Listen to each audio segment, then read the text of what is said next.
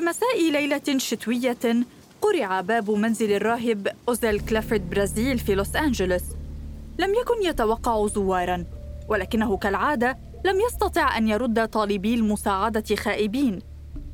خلف الباب كانت تلميذة برفقة والدها دعيا أنهما بحاجة إليه كي يساعدهما في دخول الفتاة إلى الجامعة.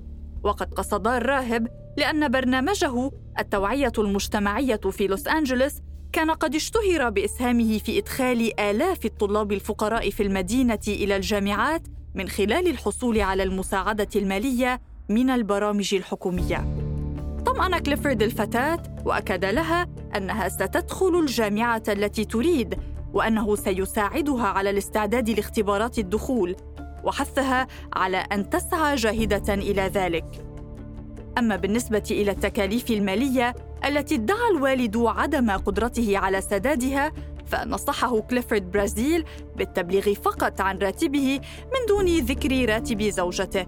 وهذا سيعزز حظوظ ابنته في الحصول على الموافقة للدعم المالي من الحكومة لتغطية نفقات تعليمها. هذه النصيحة تحديدا هي ما سعى الرجل والفتاة إلى سماعه إخفاء معلومات بهدف الاحتيال على مؤسسات الدولة للحصول على مساعدة مادية. وغادرا بعد ذلك. التاسعة عشر من شباط 2000 الساعة السادسة والربع مساء. نهاية المحادثة المراقبة التي تمت بالتراضي. يتم الآن إيقاف تشغيل جهاز التسجيل. هكذا تم الإيقاع بالراهب الذي عمل طيلة حياته لمواجهة عدم المساواة في إتاحة التعليم أمام الأفارقة والأقليات في أمريكا. مقتنعا بأن هؤلاء بحاجة إلى المحاربة من أجل الحصول على ما يحصل عليه الآخرون بسهولة. فعل برازيل كل ما يستطيع حتى وإن تناقض ذلك مع القانون بهدف إتاحة التعليم للجميع. أهلا بكم إلى بودكاست خارج الذاكرة.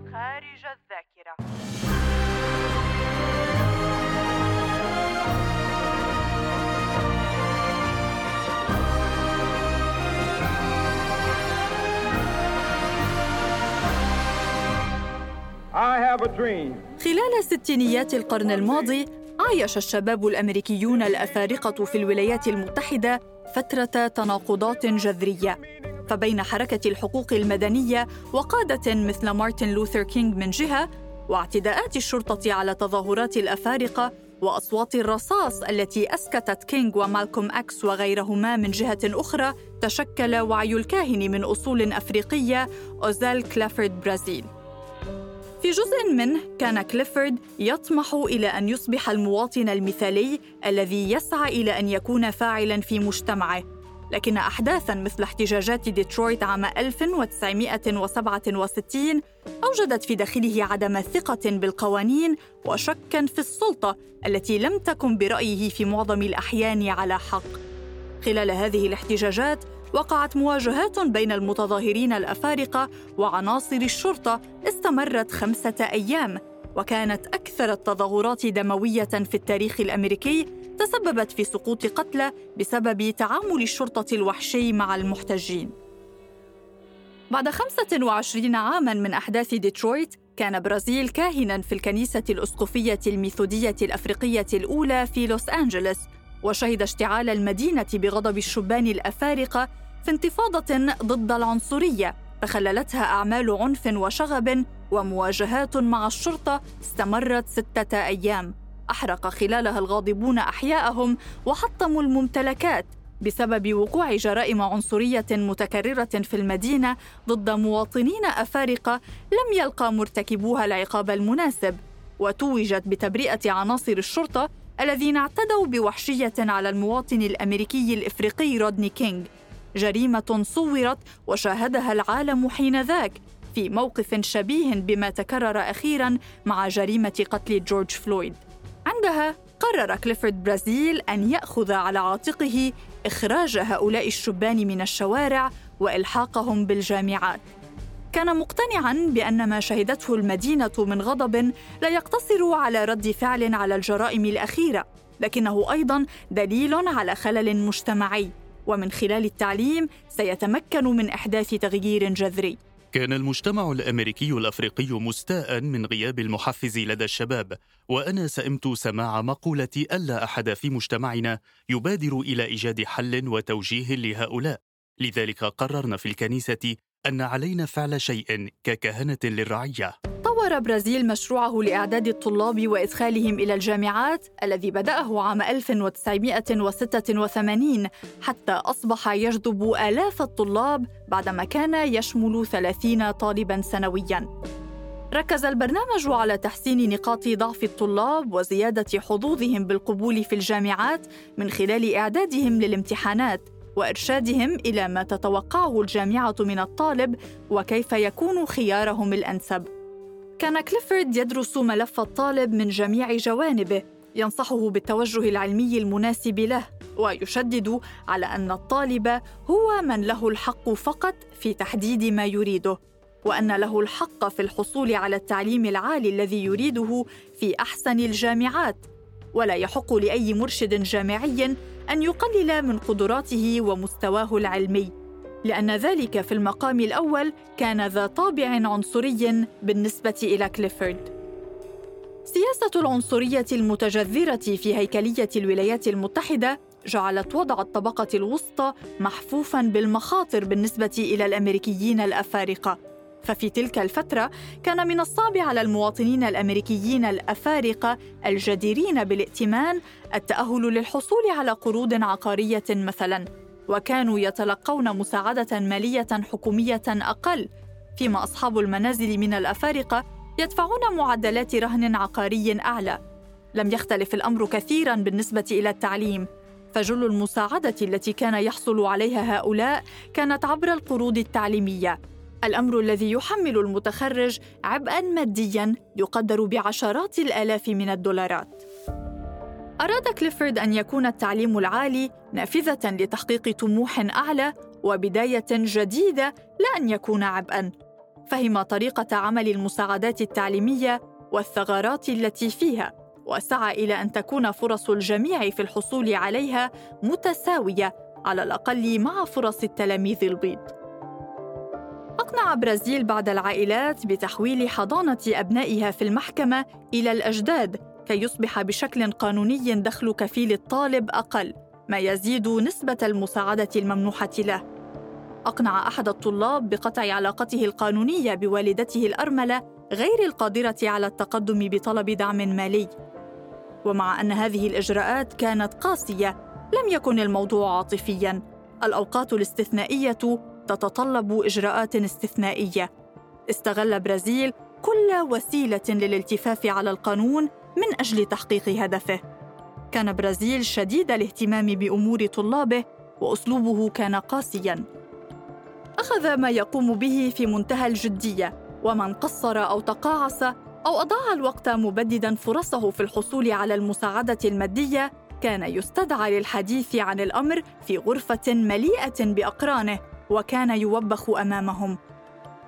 شجع كليفورد الطلاب على استخدام قصصهم المأساوية وظروف حياتهم القاسية ليشرحوا ويبدعوا في الكتابة خلال نصوص امتحانات الدخول إلى الجامعة، فأصبحت قصصهم نقطة قوة بعدما كانت قد أضعفت حظوظهم في التعليم.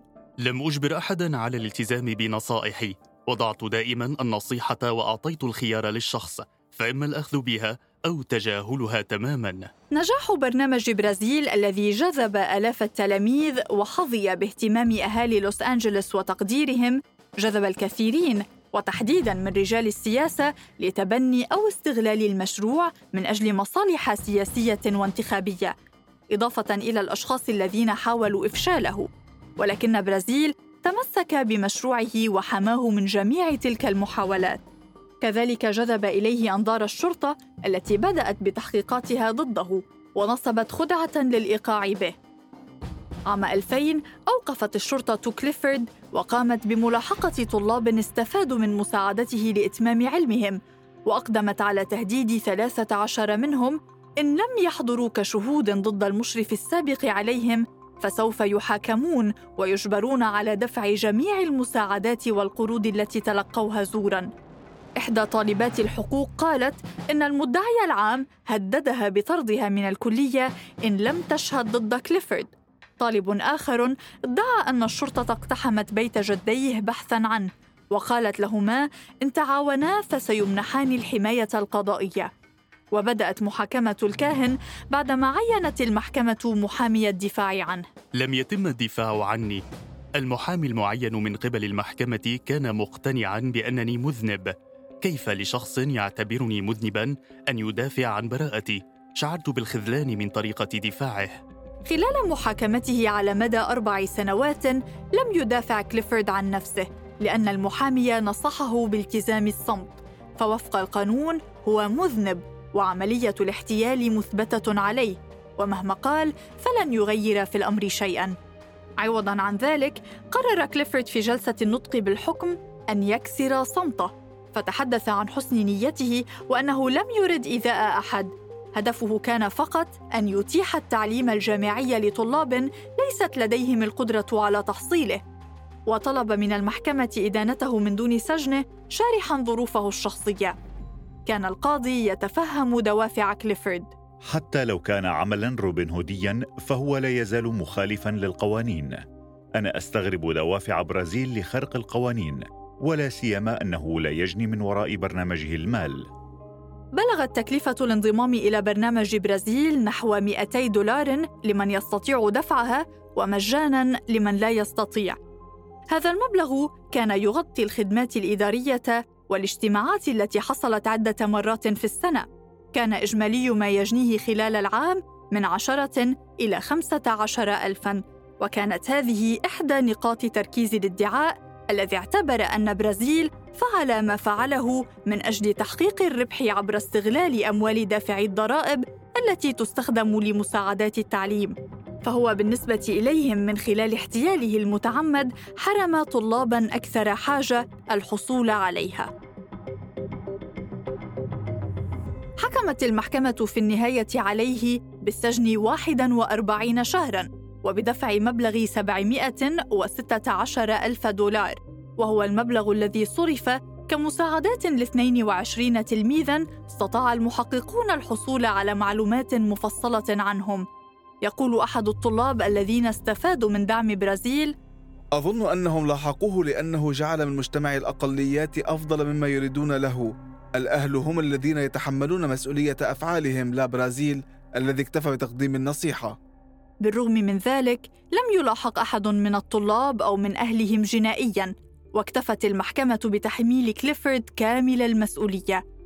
القلة من الطلاب تواصلت معه بعد ذلك أو حضرت جلسات محاكمته لكن كليفورد لم يندم يوما على ما فعل. لن أعتذر عن تقديم العون والدعم لأشخاص احتاج إليه. لم يكن لديهم أحد لفعل ذلك. لم أفعل ما فعلت لأجل المال أو الشهرة. هذا جزء من الرهبنة. هذا البرنامج متعب. فكرت أحيانا كثيرة في التوقف لكن في كل مرة كان يأتيني طلاب أكثر. لم أستطع خذلانهم. هل كان الأمر يستحق ذلك؟ من دون شك. هل كنت لأكرر ما فعلته مرة أخرى؟ بالتأكيد. توفي برازيل عام 2019 بعد معاناة مع مرض السرطان عن عمر 70 عاماً. أسهم خلالها في التحاق نحو عشرين ألف طالب من الأمريكيين الأفارقة واللاتينيين بجامعات حول الولايات المتحدة.